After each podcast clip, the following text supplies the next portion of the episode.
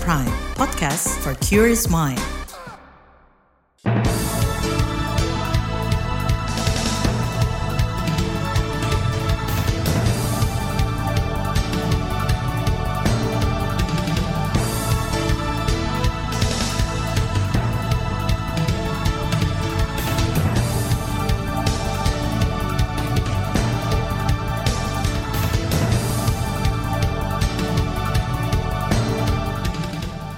Selamat pagi, jumpa kembali dalam Buletin Pagi Jumat 3 Februari 2023. Saya Naomi Liandra.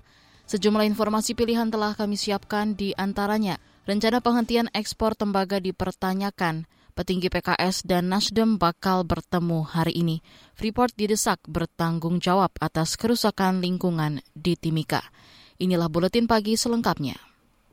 Terbaru di Buletin Pagi. Saudara, rencana Presiden Joko Widodo menyetop ekspor tembaga didukung banyak kalangan. Namun banyak pekerjaan rumah terkait hilirisasi yang mesti diselesaikan. Ketua Umum Asosiasi Pemasok Energi dan Batubara Indonesia, Aspebindo, Anggawira mengatakan, pemerintah mesti menyiapkan berbagai kebijakan pendukung terlebih dulu, misalnya kemudahan pembiayaan dari perbankan hingga penguatan ekosistem dari hulu hingga hilir. Uh, misalnya uh, apa namanya uh, industri pendukungnya kan juga harus disiapkan dan juga uh, ekosistem di hulu ini kan harus dilihat juga penambang ini tidak hanya penambang-penambang yang besar, ada juga yang kecil menengah. Nah ini kan juga harus diperhatikan tuh jangan sampai mereka juga akhirnya gulung tikar ya dengan uh, kebijakan atau dengan uh, program yang ada ini. Jadi benar-benar harus diperhatikan secara komprehensif. Ketua Umum Aspebindo Anggawira menambahkan pemerintah juga mesti menjamin kemudahan berinvestasi, termasuk di fasilitas pengolahan hasil tambang atau smelter dan ketersediaan energi untuk ekosistem hilirisasi. Sebelumnya, rencana penghentian ekspor tembaga mentah dilontarkan Presiden Joko Widodo. Ini menyusul kebijakan serupa terhadap nikel dan bauksit. Keputusan itu didasari kemajuan pembangunan smelter konsentrat tembaga di Gresik, Jawa Timur, dan Nusa Tenggara Barat – yang awal tahun ini sudah mencapai 50 persen lebih. Ini nikel sudah stop. Saya sudah sampaikan lagi, boksit di Desember kemarin, boksit stop. Bulan Juni, nanti sebentar lagi mau saya umumkan lagi, tembaga stop. Presiden Jokowi juga menegaskan Indonesia akan terus melanjutkan kebijakan hilirisasi tambang meskipun mendapatkan gugatan dari negara lain. Kebijakan hilirisasi akan mengentaskan Indonesia dari negara berkembang menjadi negara maju. Jokowi optimistis konsistensi menjalankan kebijakan hilirisasi akan meningkatkan pendapatan per kapita Indonesia. Sementara itu, Dirjen Mineral dan Batubara Kementerian ESDM Ridwan Jamaluddin menyatakan masih menunggu arahan lebih lanjut dari Presiden Jokowi terkait rencana penyetopan ekspor tembaga. Meskipun memang Undang-Undang Minerba sudah mengamanatkan perusahaan tambang untuk tidak mengekspor bahan mentah. Selain itu ada pula kewajiban membangun smelter di dalam negeri paling lambat Desember tahun ini. Di lain pihak, keputusan Jokowi menyetop ekspor tembaga dipertanyakan anggota DPR dari fraksi PKS Tifatul Sembiring. Ia mewanti-wanti jangan sampai pelarangan ekspor justru mematikan usaha pertambangan yang selama ini dikelola rakyat siapa yang memberikan fitting ya ke presiden sehingga kita harus menstop oh, ekspor itu. Kalau saya begini saja, kenapa kita nggak buat balance seimbang? Oke, suatu saat ini mungkin kita akan oh, stop. Tapi kembangkan dulu industri hilir di sini, gitu. Jadi uh, kalau saya mengusulkan bertahap saja, bertahap. Uh, jadi kita kembangkan dulu industri di sini itu seperti apa. Anggota Komisi Energi DPR Tifatul Sembiring mengusulkan pelarangan ekspor komoditas mineral dan pertambangan dilakukan bertahap sambil memperkuat hilirisasi termasuk ekosistemnya. Ekonom dari Kor Indonesia Muhammad Faisal berpandangan banyak pekerjaan rumah yang harus diselesaikan pemerintah guna memperluas dan mempercepat hilirisasi komoditas tembaga. Pemerintah juga masih harus mengantisipasi diplomasi dan kebijakan perdagangan dengan negara lain – yang mungkin terganggu oleh penghentian ekspor tembaga. Dari hulu adalah bagaimana supaya uh, ketika ada larangan ekspor, maka penambang uh, tembaga ya ini kita bisa mendapatkan kesempatan profit yang sama ketika dia harus menjual hanya ke smelternya. Tidak ada yang lebih diuntungkan dibandingkan yang lain. Jadi tata kelola governance. Yang kedua juga uh, dalam hal uh, bagaimana mengawasi uh, dalam hal tata kelola juga, bagaimana mengawasi praktik ini supaya uh, tidak sampai ada risiko misalkan uh, ada pendapatan negara yang hilang. Ekonom Kor Indonesia Muhammad Faisal juga meminta agar aturan pelarangan ekspor tembaga benar-benar diawasi ketat. Saudara, selama lima tahun terakhir total nilai ekspor biji tembaga Indonesia mencapai 16,7 miliar dolar Amerika atau 248 triliun rupiah. Ini berkontribusi cukup besar terhadap total nilai ekspor sektor pertambangan. Jepang menjadi negara tujuan utama ekspor biji tembaga Indonesia pada 2021 lalu dengan nilai ekspor 1,54 miliar dolar Amerika atau lebih dari 23 triliun rupiah. Sementara itu, Badan Pusat Statistik mencatat tahun lalu volume ekspor biji tembaga Indonesia 2,5 juta ton atau jadi rekor tertinggi dalam satu dekade. PKS dan Nasdem bakal bertemu hari ini. Informasinya akan hadir sesaat lagi. Tetaplah di Buletin Pagi KBR. You're listening to KBR Pride, podcast for curious mind. Enjoy!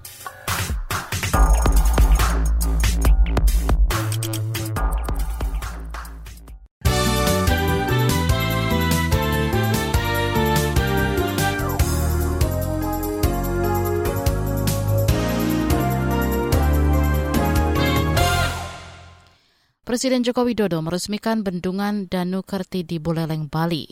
Pembangunan bendungan itu menelan anggaran 820 miliar rupiah. Jokowi mengklaim bendungan itu bisa untuk mengairi sawah dan mengurangi banjir. Dan luas genangannya kurang lebih 29,8 hektar.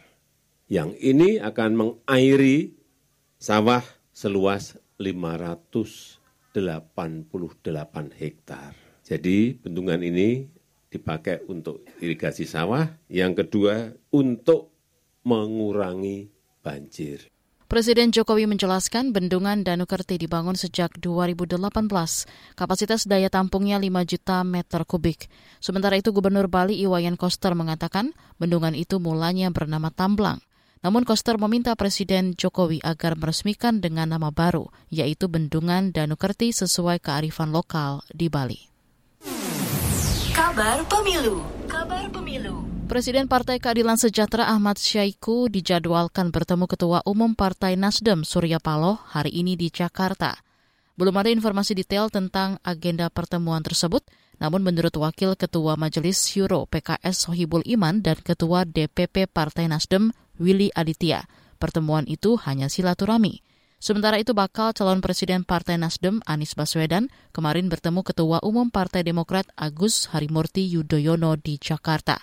AHY mengklaim koalisi tiga partai, yakni Nasdem, Demokrat, dan PKS semakin solid. Selain itu, misi bersama dengan Anies Baswedan akan terus dijalankan hingga pemilu 2024.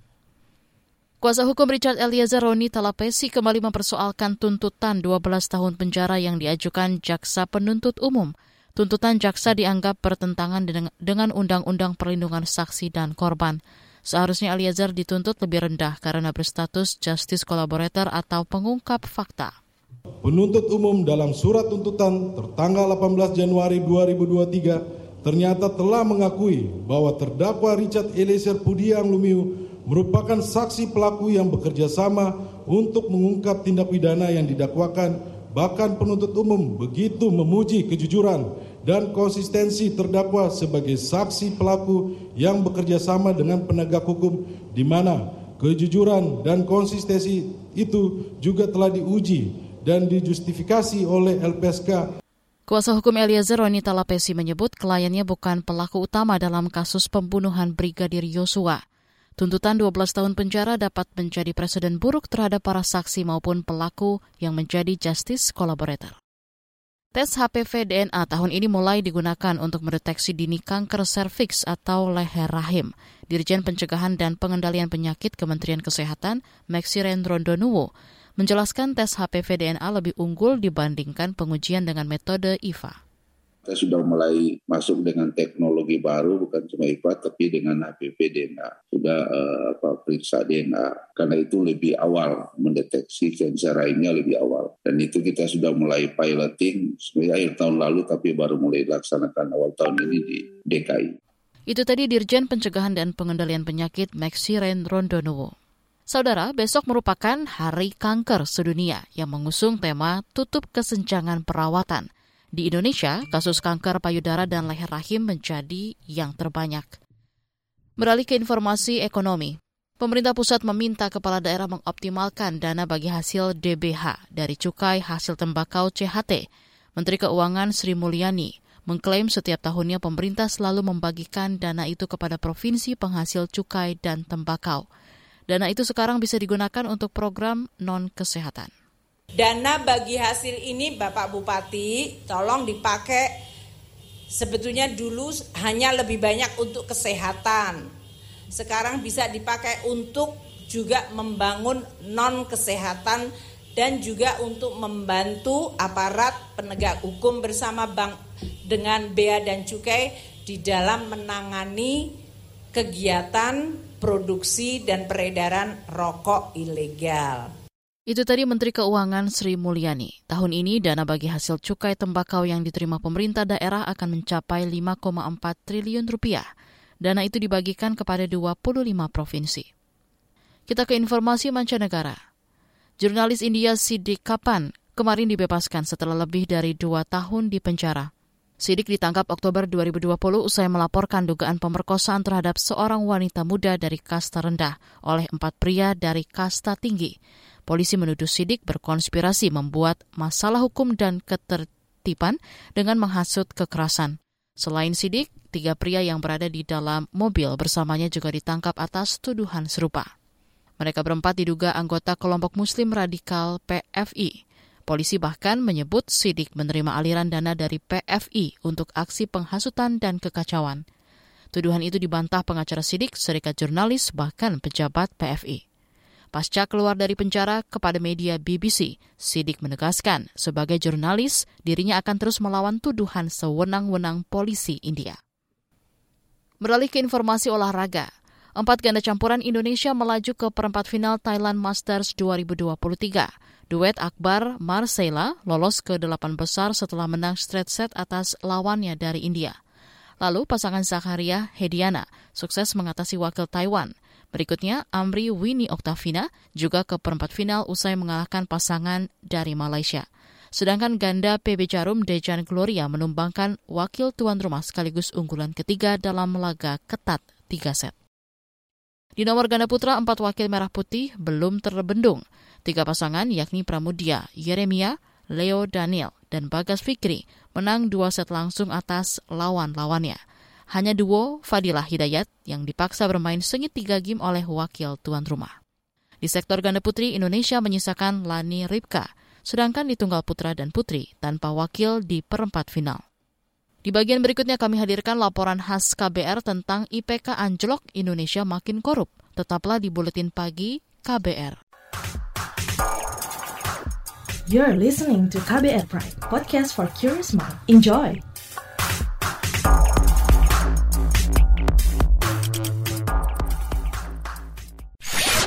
Commercial break. Commercial break. Transfer ke sini udah, bayar ini juga udah. Ke gue udah. Hih, Allah, pertumbuhan ekonomi tuh lagi melambat, persis kayak tabungan gue. Betul banget, harus matang ngelola keuangan. Pengennya tuh investasi sesuatu gitu ya. Apa gitu yang cocok dan menguntungkan?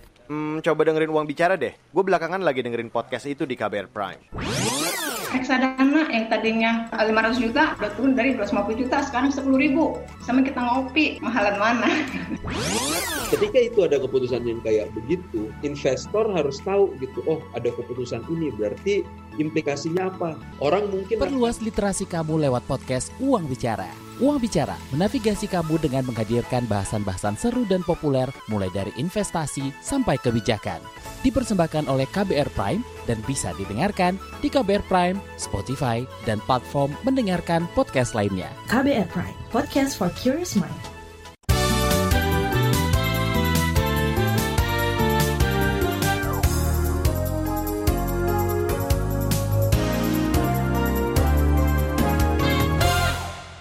Anda masih bersama kami di Buletin Pagi KBR. Pemberantasan korupsi di Indonesia menghadapi tantangan besar Pada tahun lalu, Lembaga Transparansi Internasional mencatat Indeks Persepsi Korupsi atau IPK turun drastis. Peringkat Indonesia turun bahkan lebih rendah dari Timor Leste. Apa penyebabnya? Berikut laporan khas KBR disusun Agus Lukman. Untuk kali pertama sejak era reformasi, Indeks Persepsi Korupsi atau IPK Indonesia menurun drastis. Lembaga Transparansi Internasional mencatat skor IPK Indonesia pada 2022 di angka 34 atau turun 4 poin dari tahun sebelumnya. Peringkat Indonesia melorot dari 96 ke posisi 110 dari 180 negara di dunia. Di tingkat ASEAN, IPK 2002 Indonesia kalah jauh dibandingkan Malaysia, Timor Leste, dan Vietnam. Deputi Sekretaris Jenderal Transparansi Internasional Indonesia Wawan Heru Suyatmiko mengatakan, capaian IPK 2022 itu merupakan skor terendah sepanjang reformasi. Ia mengatakan indikator ekonomi memunculkan tantangan besar antara profesionalitas perusahaan dalam menerapkan sistem anti korupsi dengan kemudahan investasi yang diberikan negara. Perdebatan di dalam indikator ekonomi adalah juga bagi negara-negara dengan tipikal development countries, kita mau memilih investor yang bisa meningkatkan pertumbuhan ekonomi yang seperti apa. Ada negara-negara yang punya tingkat ratifikasi kepatuhan angkeknya, mereka membentuk undang-undang anti korupsi yang strict gitu ya. Tantangan kita adalah kita akan memilih investor dari negara seperti apa. Apakah yang punya standar anti korupsi yang tinggi atau yang penting pertumbuhan. Presiden Joko Widodo langsung merespon anjloknya indeks persepsi korupsi Indonesia. Ia mengatakan laporan transparansi internasional itu akan menjadi bahan evaluasi kinerja pemerintah. Ya, itu akan di, menjadi koreksi dan evaluasi kita bersama. Ya. Di sisi lain, Komisi Pemberantasan Korupsi KPK mengakui masih banyak pekerjaan rumah yang mesti dibenahi untuk memperbaiki indeks persepsi korupsi Indonesia yang anjlok. Deputi Pencegahan dan Monitoring KPK Pahala Nainggolan mengatakan, turunnya IPK karena tidak adanya terobosan dalam pencegahan korupsi. Kalau nggak ada terobosan dan harus ada yang memimpin, apalagi kalau kegiatannya banyak lembaga, lembaga ada pemerintah daerah, harus ada yang memimpin dan harus ada yang memonitor detail yang kedua, partai politik jangan pernah dilupakan. Jelek-jelek itu yang memproduksi kader ada di lembaga pemerintahan, ada di DPR. Politik anggaran datang dari dia.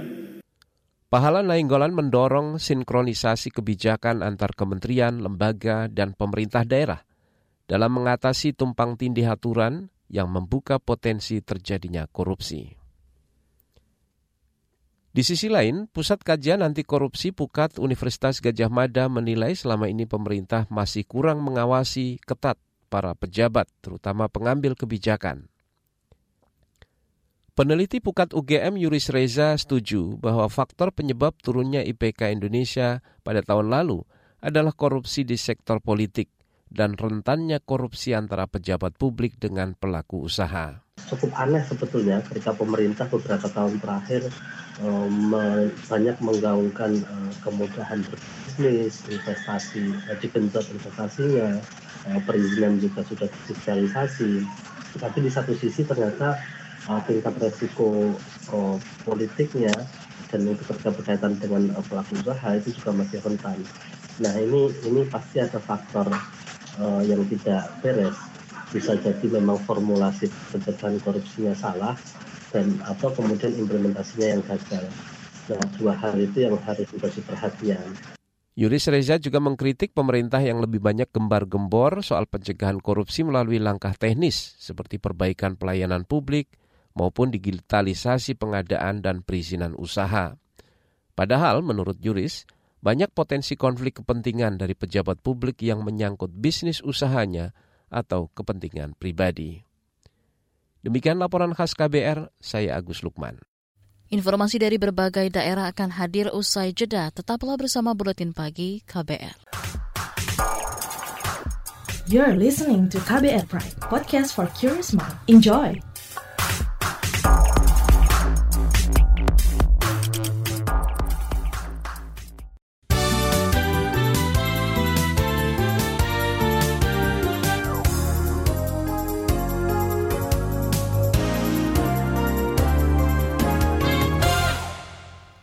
Inilah bagian akhir buletin KBR. PT Freeport Indonesia dituntut bertanggung jawab atas dugaan pencemaran lingkungan di Timika, Papua.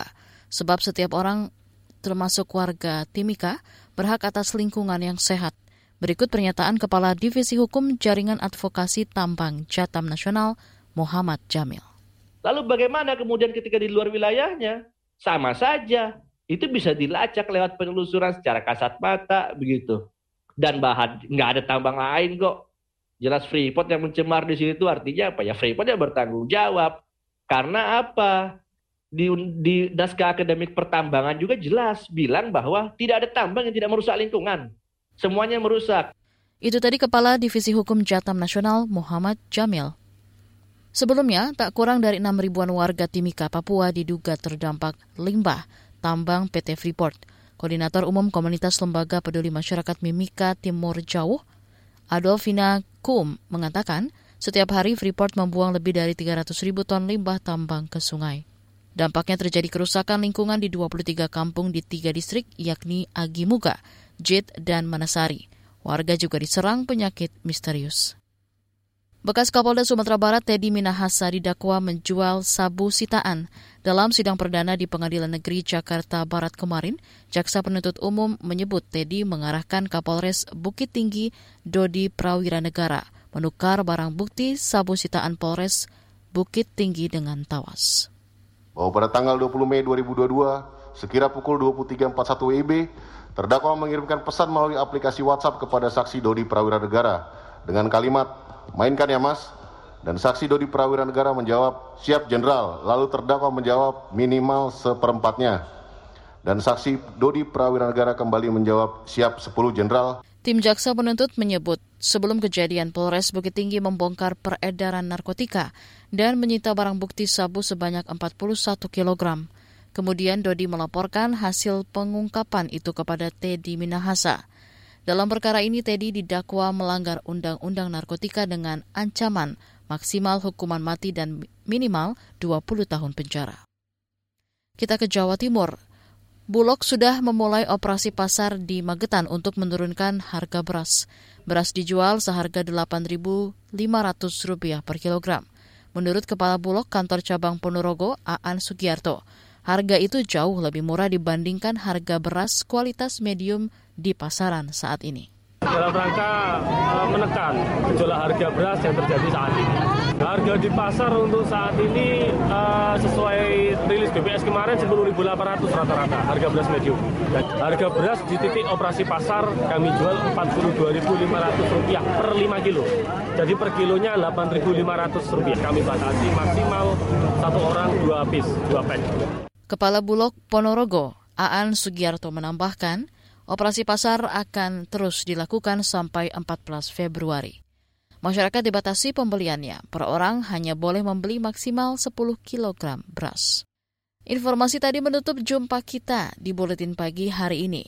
Pantau informasi terbaru melalui kabar baru, situs kbr.id, Twitter, at berita KBR, serta podcast di alamat kbrprime.id. Saya Naomi Liandra bersama tim yang bertugas undur diri. Salam.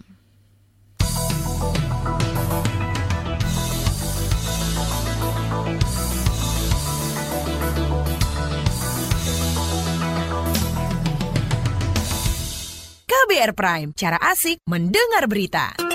KBR Prime, podcast for curious mind.